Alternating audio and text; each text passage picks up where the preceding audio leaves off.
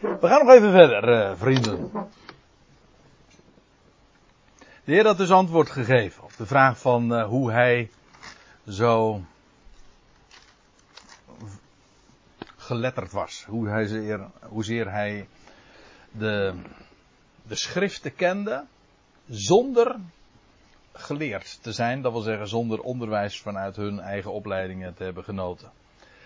En, dan, en ook het karakter van zijn onderwijs, dat, nou, daar hebben we het over gehad. Het gezag wat daarin zat, dat is namelijk wat God zelf te zeggen heeft. En ieder die daarna wil luisteren, wel, die zal weten uh, dat het inderdaad uit de God is, wat hij, wat de Heer sprak. En dat hij niet uit zichzelf sprak. Maar notabene, hè, de Heer Jezus zelf was, hij geeft alle credits aan zijn vader. Hij zegt, ik ben gezonden. Hij zegt, ik spreek niet aan mezelf. Het gaat, eerder hadden we al gezien, het gaat niet om mijn eer, maar om de eer van hem. Hij is ook het woord van. Hij is het woord, ja precies, hij is het woord van die God ook. Ja. Feitelijk is vers 18 nog een nadere toelichting erop. Wie uit zichzelf spreekt, dat is dus waar hij van beschuldigd werd. Hè? Dat hij uit zichzelf sprak, want hij had niet hun opleiding genoten. Dus ja, voor hen, kijk, in hun optiek was hij dus iemand ja, die buiten hun om, buiten de gevestigde orde en ideeën en tradities en overleveringen en leringen om sprak en dus uit zichzelf. Nou, zegt de Heer, wie uit zichzelf spreekt, die zoekt de eigen heerlijkheid. Hm? Uiteindelijk, die, die, als je origineel wil zijn, dat is wat eigenlijk de Heer ook zegt. Ik ben niet origineel. Dat wil zeggen, ik spreek niet uit mezelf. Dus, iemand die een, boods, een, een, een boodschappenjongen, dat mag ik niet van de Heer zeggen natuurlijk, maar iemand die een boodschap doorgeeft, ja, die heeft maar één ding te doen en dat is door te geven dat wat, wat hij te melden heeft. En niks anders. Niets meer en niets minder. Als, ja, als je uit jezelf spreekt, dan zoek je kennelijk je eigen heerlijkheid. En dat wat jij, misschien hoe knap je dat ook bedacht zou hebben. Ik bedoel, de Heer was uh, met, met zijn capaciteit, had natuurlijk alle filosofen en, uh, en, en nou ja, noem maar uh, de grote namen op uit de geschiedenis van de filosofie en de godsdienst. Hij had ze kunnen evenaren door, door zelf zijn dingen te bedenken. Dan had hij Confucius en en Boeddha en wie ze ook maar, hoe ze ook maar heten mogen, had hij achter zich gelaten. Maar hij sprak niet uit zichzelf, maar hij, nou laten we het doorlezen. Wie echter zoekt de heerlijkheid van wie hem zendt, zoekt, ik let er, wijs nog even op, dat staat in de, dat zeg ik niet om grammaticaal interessant te doen, maar het staat in de onvoltooid tegenwoordige tijd, dat wil zeggen die bezig is te zoeken. Dat is, dat is in feite, daar spreekt ook een houding uit. De Heer was altijd bezig te zoeken de heerlijkheid van wie hem zendt. En het woord ook te spreken van degene die hem zond.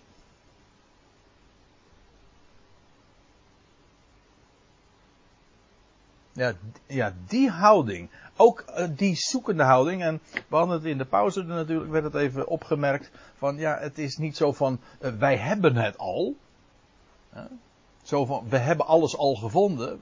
Uh, het is geweldig inderdaad als je zijn genade hebt leren kennen en, de, grootste, de grote waarheden zeg maar, van, ja, van het evangelie uh, mag verstaan. Maar ben je, dan, ben je er dan al? Uh, ben je dan, zoals dat dan heet, gearriveerd? Of in de termen van waar we het net over hadden, ben je dan al volmaakt? Nee, natuurlijk niet. Het is hier, hier, hier op aarde sowieso. Het is altijd een zoektocht. We weten, wat weten we nog maar, joh? Uh, die, die schrift is, ja, die schrift, ja, dat kun je zo zeggen, het is een eenheid, maar het zijn ook de schriften, het is een complete bibliotheek. Wat weten we daar nou van? Wat, ja, en zelfs zo kun je, het, kun je het helemaal uit je hoofd. Dan nog versta, wat versta je daar nog maar van? Ik denk dat we nog maar zo minuscuul weinig ervan verstaan. Ook al ben je er het hele leven mee bezig, verstaan nog zo weinig. En daarom altijd zoeken. En op het moment natuurlijk dat je je gaat vastbijten op dat wat je eenmaal weet, ja, dan hou je op. De, als je denkt dat je het eigenlijk allemaal al weet, ja, dan hou je op met zoeken.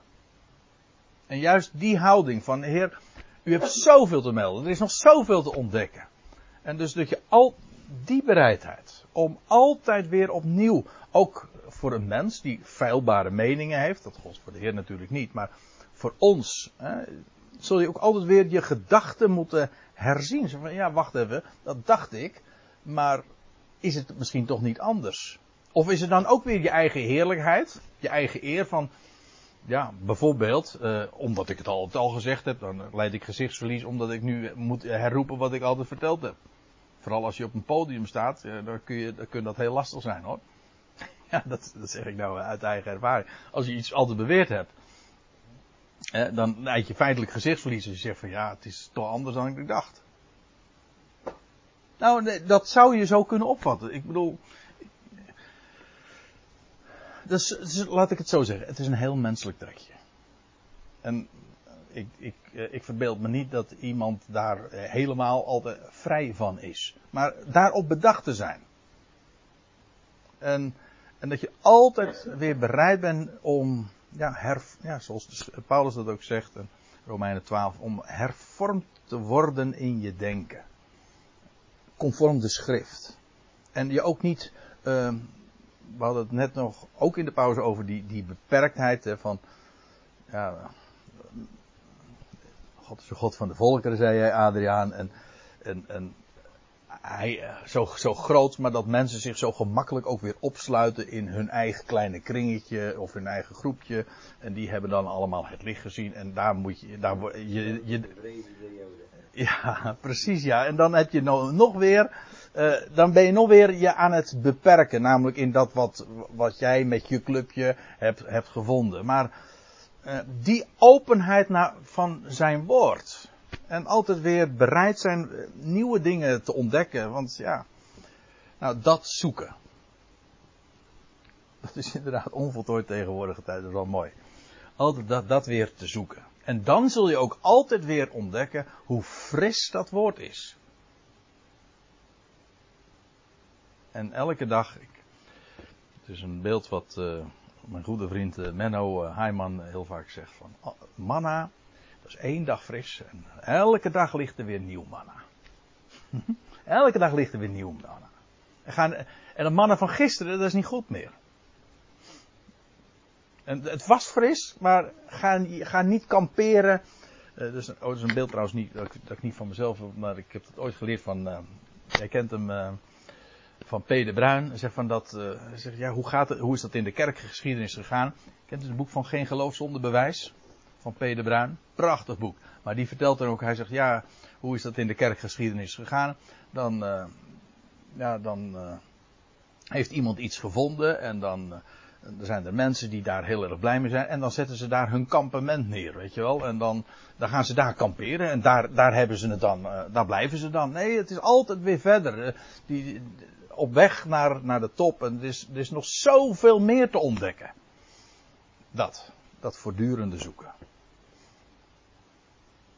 Ik wilde nog wat anders zeggen, maar ik ben kwijt. Wie echter zoekt de heerlijkheid van wie hem zendt. Uh, die is waar en er is geen ongerechtigheid in hem. Die is, die is waar, dat wil zeggen ook waarachtig. Als, dat je instelling is, daar, dan is dat waarachtigheid en waarheid. En er is geen ongerechtigheid in hem. Feitelijk wijst de Heer natuurlijk hierop gewoon op zichzelf. Ja.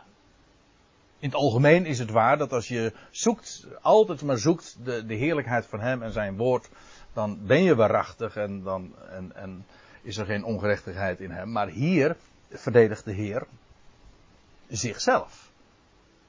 Namelijk uit die aanval van hen, dat hij, van, hen, de leidslieden, dat hij uh, uit zichzelf zou spreken. Dat deed hij niet. Hij zegt maar, ik zoek de heerlijkheid van wie, uh, van wie mij zendt. En daarom ben ik waar. Er is geen ongerechtigheid in hem en dat is dus, hij wijst daarmee op zichzelf. Die brengt waarheid aan het licht en bewijst daarmee rechtvaardigheid. En ook betrouwbaarheid. En dan, uh, heeft Mozes niet aan jullie de wet gegeven? Nou, dat. Uh, het heet niet uh, voor niks uh, de wet van Mozes. We zullen zien dat de Heer hier nog verder gaat eigenlijk in, in zijn verdediging. De Joden die waren helemaal, die, die, ze hadden hem gezocht. Nou, nu waren ze, nu hadden ze hem gevonden, onderwijzend. En, nou, eerst al die, die kritische vraag van hoe kan hij dan, uh, hoe kan hij onderwijs geven. Maar nu dan die wedervraag. Heeft, jullie, heeft Mozes jullie niet de wet gegeven? En niemand van jullie doet die wet. Van jullie, uh, jullie die mij zoeken te doden. Dat gaat hier dus ook weer over de leidslieden. En niemand van jullie doet de wet, waarom zoeken jullie mij te doden? Een half jaar later zouden ze dat, dat daadwerkelijk doen. Toen, een half jaar later, was de tijd aangebroken. Ik bedoel, dat was het, dat was het feest van het Pascha. Bij die gelegenheid zou hij sterven. Dus nu zou het ook domweg niet gebeuren, omdat het de tijd nog niet was. Maar hij zegt, niemand van jullie doet die wet, waarom zoeken jullie mij te doden? Uh, degene van wie Mozes geschreven heeft, die zoeken jullie te doden. En waar dit op doelt, is, en dat had ik ook al van tevoren even aangekondigd. Dit is, dit refereert nog steeds aan wat anderhalf jaar eerder, de vorige keer dat Jezus in Jeruzalem was, gebeurd was. Je leest het in hoofdstuk 5 vers 18. Ik heb even geen diaatje daarvan. Maar daar staat. Uh, dat is dus na die genezing van, de, van die man in Bethesda, die 38 jaar daar verlamd was. En de Heer had tegen hem gezegd: Sta op, neem je matras op en wandel. En dat was, en er staat erbij, het was op een sabbat. En dan, dan treffen ze die man later aan in de tempel en dan, en dan wordt de Heer daarop aangesproken. En dan zegt hij, mijn vader, en dan Jezus dan antwoordde en zeide, ik lees nu vers 17, Johannes 5 vers 17, mijn vader werkt tot nu toe en ik werk ook. En hierom dan trachten de Joden des te meer hem te doden, omdat hij niet alleen de Sabbat schond, maar God ook zijn eigen vader noemde. En zich daarmee, volgens hun, volgens hen, uh, zich dus met God gelijkstelde.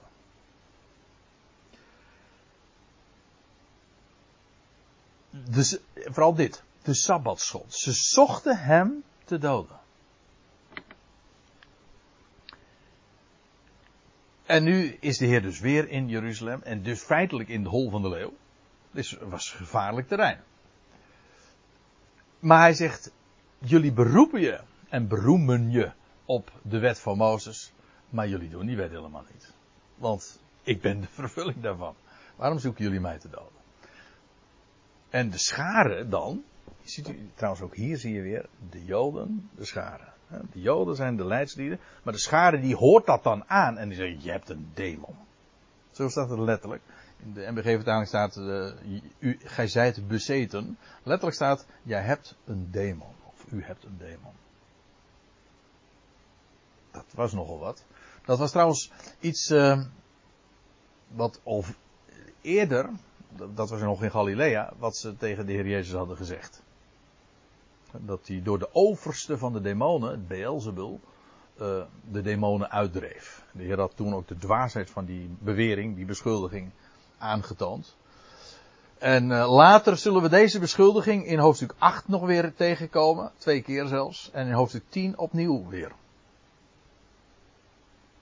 Dus je voelt wel. Eerst was er nog. Uh, voordat de Heer op het feest was. Ge, gemompel over hem. Maar de sfeer wordt steeds grimmiger. En dan zo, dat de schade dit dan zo zegt. Want waarom zeggen ze dan? Je hebt een demon, wij zouden haar zeggen, het is eigenlijk nog veel erger, van je bent gek. Uh, wie, zoekt, hè? wie zoekt jou te doden? Dat is, dat is wat ze tegen hem zeggen. Je bent bezeten, je bent een demon, je bent gek. Wie zoekt jou te doden? Die, de schare wist daar niet van. Dit was namelijk gewoon wat in de, de hogere kringen was bedisseld en besproken. En vandaar ook de Joden, die zochten een gelegenheid om hem uh, te schaken en, en, en uh, over te leveren en te doden. En, maar nu is de vraag, wie, wie zoekt jou te doden? Je leest trouwens, eh, maar dat zullen we, nou misschien vanavond niet meer, maar vijf versen later lees je inderdaad dat sommige van de Jer Jeruzalemmers, zo worden ze genoemd, de inwoners van Jeruzalem dus, eh, sommige van de Jeruzalemmers die wisten zich dat inderdaad te herinneren. Het was dus, ik herhaal, dit was anderhalf jaar geleden dat ze inderdaad dat hadden gepland en dat dat toen speelde. En Jezus, hij gaat daarop door. Jezus antwoordde en zei tot hen: Ik doe één werk. En jullie verwonderen, en jullie, Joden, hier in Jeruzalem, verwonderen je allen. Hij deed één werk. Hier, weer dat, die, dat ene wonderteken. Al die wondertekenen die we in de, in de Bijbel vinden, die hij heeft gedaan, had hij gedaan daar in het noorden, in Galilea, waar hij vandaan kwam. In Jeruzalem niet. En, en dan, daarom zegt de Heer, ik doe één werk hier in Jeruzalem. Hij refereert dus dat wonderteken anderhalf jaar eerder. Ja, en dat ene werk moest, ik moet zeggen, dat was wel natuurlijk heel veelzeggend. We hebben daar toen uh, veel uitgebreider bij stilgestaan, maar weet u nog dat, dat, uh, dat zelfs die 38-jarige, uh, het feit dat die man 38 jaar was, heeft nog heeft een prachtige betekenis, want het verwijst naar, die, naar de tijd dat Israël in, in de woestijn moest ronddolen. Dat zou twee jaar zijn en dan lees je dat die verspieders, dat ze de verspieders geloven. En jo Joshua geloven ze niet, die ene verspieder. En dat, ze, dat, dat aan de reis daar nog 38 jaar wordt toegevoegd. Die 38 jaar spreekt van het ongeloof. En dan is het uiteindelijk Joshua die hen alsnog in de rust brengt. Prachtig beeld. En dan ook nog even die, die, het werk zelf. Die man die was verlamd. Kon niks. En de Heer die zegt, sta op. Opstanding. En dan ook, wandel, neem je matras op. En dat is het, het, het feit dat de Heer hier van sabbatschennis wordt beschuldigd, is eigenlijk absurd. Een matrasje, het was niet, niet zo'n Pullman matras, nee, het was zo'n zo die neem je niet zo eventjes op. Nee, het was gewoon het, het, het, woord wat daar gebruikt wordt, krabaton, dat betekent echt gewoon een lichtmatje, zeg maar. En dat is eigenlijk een uitbeelding van rust. Hij, die, die man, die uh, liep daar met zijn matrasje op. Uh, ja, daar de tempel, uh, tempelplein en de, en de overste, de leidslieden van Israël, die waren boos omdat hij daar met zijn matrasje liep. Die man was 38 jaar, vanaf zijn geboorte was hij verlamd geweest. Nou was hij genezen. En, nu, en het feit dat hij op een sabbat was genezen, dus er was dokterswerk verricht. Onnodig dokterswerk. En bovendien liep die man nu met een last. Te, uh, en dat mocht ook al niet. En, da, en vandaar. Dus dat was sabbatschennis. En toen, ja, toen gingen de, de vingers die wezen naar, naar Jezus. En vandaar dus dat zij, dat Heer zei, ik doe één werk. Maar juist dat, dat werk wat er gebeurde, opstanding. De Heer had die man op doen staan. En hij had, neem je matras op. Hè? De, de, en wandel. Dat is het mooiste advies volgens mij wat je kan krijgen. Hè? Als je nieuw leven hebt ontvangen, uh, hoe, hoe zou je wandelen? Met je matrasje. Dat wil zeggen, in rust. Wat is karakteristiek voor de wandel voor degene die nieuw leven heeft ontvangen? Een wandel in en vanuit de rust die hij geeft. Want hij doet alles. Dat is het matrasje. Dus dat is juist een beeld, een, een, een, ja, dat is echt een goed bericht van rust, van, van vrede. Hij doet het werk, genade. En, en juist omdat hij met zijn matrasje liep, dus had hij de Sabbat geschonden. Maar dat was juist echt de Sabbatsviering. Dat is rust. Dus, ja. En jullie verwonderen je. ja. En vanwege dit, dat wil zeggen, daarom zeg ik jullie, Uh, Mozes heeft jullie de besnijdenis gegeven. Mozes heeft jullie de besnijdenis gegeven. Hm? Want ja, in de Leviticus 12 bijvoorbeeld, dan lees je over dat, uh, dat een jochie, op een jongetje, dat geboren was, op de achtste dag besneden moest worden. Mozes heeft jullie de besnijdenis gegeven. En dan staat er tussen haakjes zo bij, en dat, niet dat ze van, vanuit Mozes is, maar vanuit de vaderen. Wat bedoelt uh, dat te zeggen? Wel, de besnijdenis die dateert niet van Mozes, maar was al 430 jaar ouder. Hm? Die dateert vanaf Abraham. En uh, als je daar echt uitgebreid wat meer van wil weten, zou je gelaten 3 moeten lezen. Want daar, wordt, daar, daar zet Paulus dat prachtig uiteen. Dat hij zegt van dat aan, Paulus, aan Abraham waren de beloften gedaan. En Abraham ken, leefde niet uit de wet, die kende de wet nog niet. Het zou nog 4,5, bijna 4,5 eeuw duren voordat de wet aan, aan Israël gegeven zou worden. Abraham had de belofte. Nou, en de besnijdenis was een teken inderdaad van die belofte, van Gods eedswering. Nou, dat wordt hier eventjes tussen haakjes bijgezet van Mozes heeft jullie de besnijdenis gegeven. Dat wil zeggen, in de wet van Mozes staat dat allemaal opgetekend en uh, wordt dat ook bepaald. Hoewel de oorsprong nog weer veel ouder is. En jullie, en dan zegt de Heer, en jullie besnijden op Sabbat een mens. Ja, als iemand op Sabbat geboren is, op de achtste dag hè. Dus als iemand op een Sabbat geboren is, reken acht dagen verder, dan kom je weer op een Sabbat uit. Dus als je op een Sabbat geboren bent, dus één op de zeven Joodse jongetjes, werd, moest op een Sabbat uh, besneden worden. Toch? Jullie besnijden een op Sabbat een mens. Dus een werk, zou je zeggen. Jullie doen het wel. Terecht trouwens, daar niet van. Maar, en nou, maar de gedachte gaat nog verder. En dan, ga ik nog, ga ik, gaan we er nu maar eventjes helemaal voor, uh, even aan voorbij. Waar, waarom het zo geweldig is, die achtste dag. Daar gaan we het later trouwens nog over hebben. In uh, vers 37, als er staat, de laatste, de grote dag van het feest stond Jezus op en riep, indien iemand dorst heeft. Dat was de achtste dag. De achtste dag heeft altijd te maken met een nieuw begin. Na, feitelijk ook weer met opstanding. Dag, de dag na de Sabbat. Hm? De dag na de zevende, dus de achtste dag. Nee. Laten we, laat ik even ter zake blijven. Indien een mens, de Heer vervolgt zijn betoog. Indien een mens op Sabbat besnijdenis in ontvangst neemt. Zo staat het er eigenlijk letterlijk. Hè? Indien een mens op Sabbat uh, de besnijdenis uh, in ontvangst neemt. Uh, opdat de wet van Mozes toch niet ontbonden zou worden. Dat wil zeggen, het moest op een achtste dag gebeuren. En dus bij gelegenheid ook op een Sabbat. Zijn jullie chagrijnig op mij? Of vertorend staat er in de MBG. Maar er wordt hier net even een ander woord weer gebruikt. Dus zijn jullie chagrijnig op mij omdat ik de hele mens op Sabbat gezond maak? Dus het, een zo'n deel, hoe moet ik dat nou netjes zeggen? Een geslachtsdeel uh, van, uh, van een mens wordt besneden.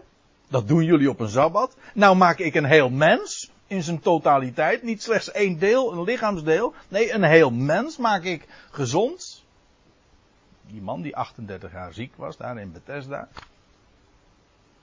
En nu zijn jullie boos op mij of zaggerijnig of maar in ieder geval zo afwijzend ten opzichte van mij.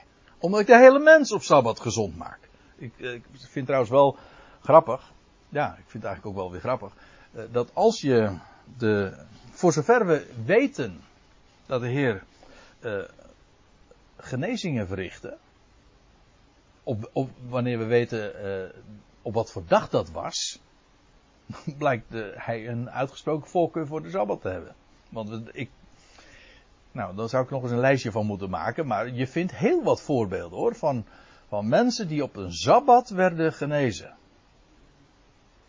Maar als je eenmaal natuurlijk weet waar de Sabbat een beeld van is, is dat niet zo moeilijk.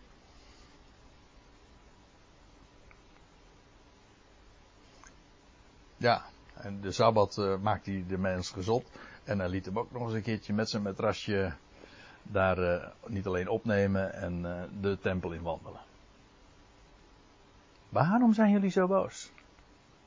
Oordeel toch niet naar het aanzien. Dat wil zeggen naar, naar het gelaat? Naar, het, naar het gezicht. Maar oordeelt een rechtvaardige beoordeling. Dat was trouwens ook van de Messias verzegd. Hè? Dat in Jezaja 11, dan lees je. Zijn lust zal zijn in de vrezen van Yahweh. Hij zal, hij zal niet richten naar hetgeen zijn ogen zien, nog recht spreken naar hetgeen zijn oren horen, maar, nou ja, dan lees je, maar naar recht en gerechtigheid. Dus niet op het gehoor afgaand of wat mensen zeggen of dat wat ogenschijnlijk zo lijkt. Dat is een, dat is een oordeel naar aanzien. Zo de eerste aanblik en daar je, je opinie op laten baseren, op baseren. Maar het is geen rechtvaardige beoordeling. Nou, en nu kom ik op dat vers waar ik al even aan refereerde. Sommigen dan, vanuit de Jeruzalemmers, die zeiden, is deze niet die zij, Joden dus, de leidslieden, zoeken te doden? In dit geval is dat natuurlijk een retorische vraag. Dit is hem, dit is hem. Dit is hem toch? Die, die man van vorig jaar, die in Jeruzalem dit toen deed. En en, van, en sommige van de, vanuit de Jeruzalemmers, die, die weten dat. Die zijn van, daarvan op de hoogte. En vandaar dat ze de, deze retorische vraag stellen. En neem waar. Dit is, moet je eens even opletten. Dat wat zij dan vaststellen. Neem waar. Zie. Hij spreekt in vrijmoedigheid. En zij zeggen niks tot hem. Nu, ik bedoel, de heer, wat ze, wat ze zagen is de, inmiddels halverwege het feest. Of misschien inmiddels al nog weer wat verder, dat weet ik niet. Maar in ieder geval in de tweede helft van het feest. De Heer bevindt zich daar op tempelplein. Hij onderwijst. Hij spreekt nu in vrijmoedigheid. En nu, ze zeggen niks tot hem. Ze zochten hem toch te doden? Waarom grijpen ze nu dan niet in? Dat is de vraag. Als ze hem zoeken te doden als, als het waar is dat ze hem zochten te doden, uh, waarom laten ze hem dit dan allemaal, uh, waarom laten ze dit gebeuren? Of, staat er dan, uh, weten de, of weten waarlijk de overste toch niet dat deze de Christus is? Met andere woorden, zijn ze er toch niet zo van, zeker van dat hij inderdaad de Christus is. Laten ze hem daarom ongemoeid en zijn gang gaan en onderwijs geven. Wat ze hier dus suggereren is van de oversten zelf zijn misschien niet zelf, het wordt als een vraag gesteld, zijn ze zelf misschien niet zo zeker van hun zaak dat hij niet echt inderdaad waarlijk de Christus is.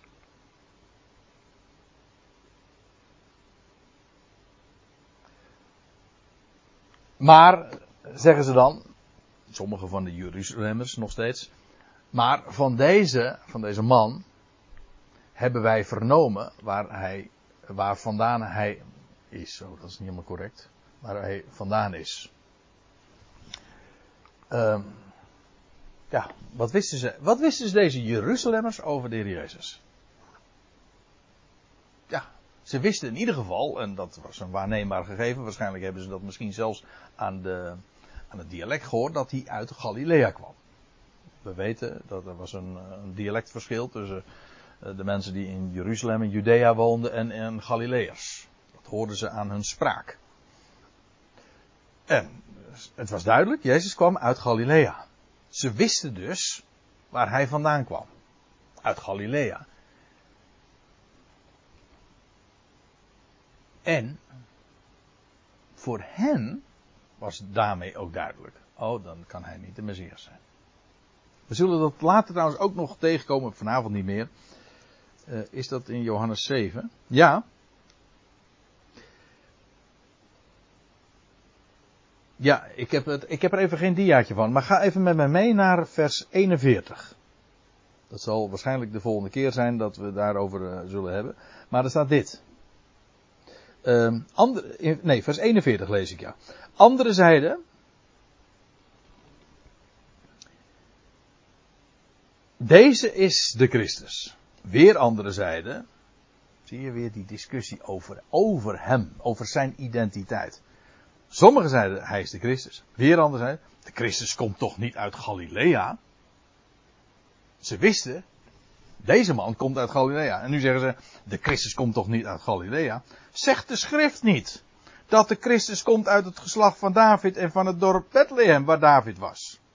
En er ontstond dan verdeeldheid bij de scharen om hem. En sommigen wilden hem grijpen, maar niemand sloeg de handen aan hem. Nee, logisch, want het was de tijd nog niet. Ook hier zie je trouwens weer dat oordeel gebaseerd op uh, horen zeggen. En ook op beperkte kennis. Daar hadden we het eh, eerder vanavond uh, over. Hoe, hoe, makkelijk een mens zo zijn eigen conclusies trekt. En het lijkt zo gerechtvaardigd. Deze mensen zeggen, nee, hij komt uit Galilea, dus kan hij niet de Christus zijn. Want de Christus komt toch uit Bethlehem. En, en uit het geslacht van David. Zonder te weten dat hij inderdaad in Bethlehem geboren was. En notabene ook uit het geslacht van David was. Dus dit was, hun oordeel was gebaseerd op onkunde. Het is toch wel erg nader aan, dat hier staat, nou, wanneer de Christus zal komen, ja. niemand waar vandaan hij is. Ik heb daar ook over, heel erg over nagedacht. Ik moet nadenken. Wat, wat bedoelen ze daarmee te zeggen? Vooral ook omdat ze. Uh, ik ze denk dat ze misschien uh, Melchizedek uh, zonder uh, afkomst van de. Ik vraag het me af. Vraag me af, want omdat ze juist hier zeggen van, van hij komt uit Galilea en de Christus moet toch uit, uit Bethlehem komen, uit het geslacht van David. Dus en zijn afkomst en zelfs zijn geboorteplaats, dat, dat, wisten ze. Dus ik heb me ook afgevraagd, wat betekent deze zin? Echt, ik heb, me, ik heb, er, ik heb er hele tijd mee rondgelopen. Ik bedoel, uh, het is niet zo dat ik daar vanmiddag eens over nagedacht. Wat bedoelt deze zin? En ik heb dat in verschillende verklaringen ook nagekeken. Uh, Eén ding uh, is zeker, men wist van de Messias, zijn geboorteplaats zou uh, de Bethlehem zijn. En Davids zoon was sowieso uh, algemeen bekend. Maar, als de Christus zou komen, als hij inderdaad als de Christus zou verschijnen, en ik, ik denk in die termen, is het dan niet zo, zoals Daniel 7, dan zou hij toch met de wolken des hemels komen. Dus niet een plaats aanwijsbaar op aarde, maar zomaar uh, zonder aanwijsbare oorsprong, maar in ieder geval dan vanuit de hemel zou hij komen.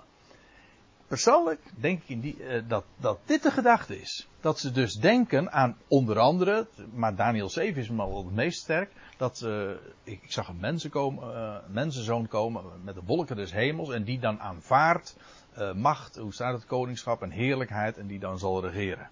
Dus de Joden die hebben daar ook, uh, die, ja, ook in de Joodse traditie. Nog wel zo, hè? Hè? Misschien denken ze nog. Ja, nou, er zijn uh, nu ook, dus, dus de meest, uh, dat is een, een, een, versie uit de, de Talmud, dat men spreekt over de, de Messias, uh, over de Messias ben Jozef en over de Messias ben David. En de ene zou dan dan moet ik het goed zeggen. Maar in ieder geval over, uh, ook over twee versies daarvan. Want hoe dan ook. Uh, dat wat de, wat, de, wat de Bijbel zegt over de Messias. Dat uh, aan de ene kant dan zijn geboorte in de Bethlehem. Aan de andere kant dat hij zal komen met de wolken des hemels. Wij weten dat dat bij twee verschillende gelegenheden is. Hè? De eerste, de tweede komst. Maar daar, dat, dat is niet het idee wat de Joden daarover hebben. Dus zij hebben, hun idee daarover is, heeft heel, vertoont heel veel gaten en als u nog eventjes, ik, ik wil nog een passage wijzen. Uh, ik heb daar ook daar geen dia van, maar ga even met me mee. uh, naar 1 Petrus. Uh, zeg ik het goed? Ja, 1 Petrus. Als ik het op internet zet, zal ik het plaatje, uh, de dia er nog even bij vermelden.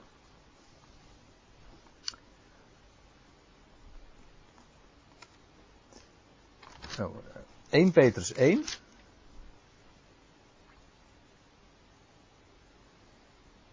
Vers 10.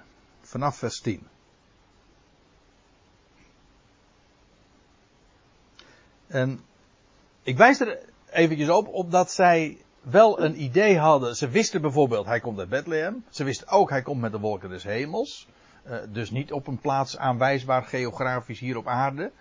Uh, maar hoe die twee zich verhouden, uh, dat was onduidelijk. En daarom ga ik nu even naar 1 Petrus 1. Daar lees je dit. Naar deze zaligheid, naar deze redding, letterlijk, hebben gezocht en gevorst de profeten, die van de voor u bestemde genade geprofiteerd hebben. Terwijl zij, de profeten dus, naspeurden op welke of hoedanige tijd de geest van Christus in hen doelde, toen hij vooraf getuigenis gaf van al het lijden dat over Christus zou komen en van al de heerlijkheid daarna. Dat is een hele lange zin, maar het gaat me even om dit. Dat er staat dat de profeten zelf hebben gezocht, gevorst en hebben nagespeurd. Wat de, hm? moet, moet, moet je eventjes, dan moet je echt eventjes goed je ogen uitdrijven. Wat staat hier? De profeten doen voorzeggingen. Ze hebben de dingen opgetekend, gesproken. En ze begrepen hun eigen profetieën niet. Ze hebben gezocht, nagezocht en gespeurd. Maar wat dan? Wat begrepen ze niet? Waar, wat hebben ze nagespeurd? Nou, dat staat erbij. Zij hebben gesproken over de, de, de redding in Christus. Maar wat, wat ze niet hebben begrepen en wat ze, wat, waar ze uh, zelf naar hebben gezocht is. Terwijl zij naspeurden, vers 11, op welke of hoedanige tijd de geest van Christus in hen doelde. Wat voor de profeten niet helder was, was de tijd, hoedanige tijd dat alles zijn beslag zou krijgen. Het lijden dat over Christus zou komen. De heerlijkheid daarna. Hij zou geboren worden in Bethlehem. Eh, het lijden dat over hem zou komen. De profeten spreken daarover. Maar ook over, zijn, over dat hij zou komen in macht en heerlijkheid. Hoe kan dat? Dat kan nooit allemaal in ene. Nou, dat is ook niet in ene. Maar zij hebben gespeurd hoedanige tijd dat dan zou uh, vervuld zou worden. Dat is dus, dat betekent dus ook dat dat verborgen is in de profetieën. In het Nieuwe Testament. Het heeft een schaduw van de toekomende dingen. Het heeft een schaduw, ja. Maar ja, ook in de wet eh, zie je dat uitgebeeld. Maar het is verborgen in, de, in het Oude Testament. In het Nieuwe Testament wordt het onthuld. Wij weten het nu. Ja, maar puur vanuit het Oude Testament, dat zegt Petrus zelf, de profeten die hebben het niet begrepen. Het was dus verborgen. En daarom, daarom speurden ze zelf in hun eigen profetieën na uh, hoe en in welke tijd dat zou gebeuren.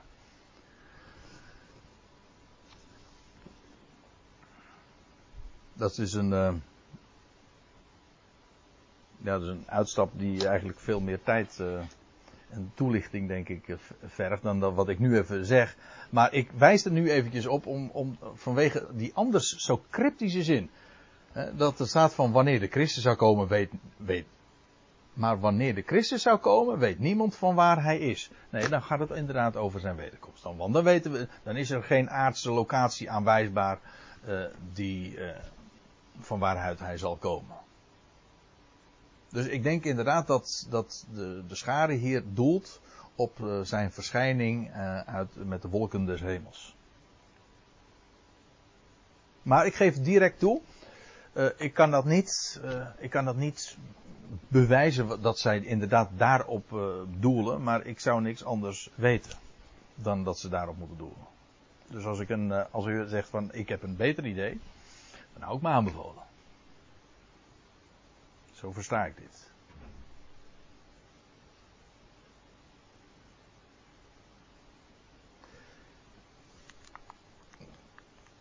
Ja, ik denk dat we. Het is tien voor tien. Ik denk dat we het nu even het beste kunnen laten voor wat het is. En dat we de volgende keer pakken we dan de draad op in, eh, in vers 28. Zeg het goed? Ja.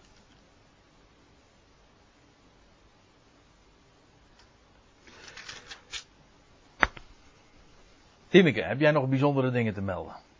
Of, of, of, eh, of vragen te stellen, of kritiek? Hè?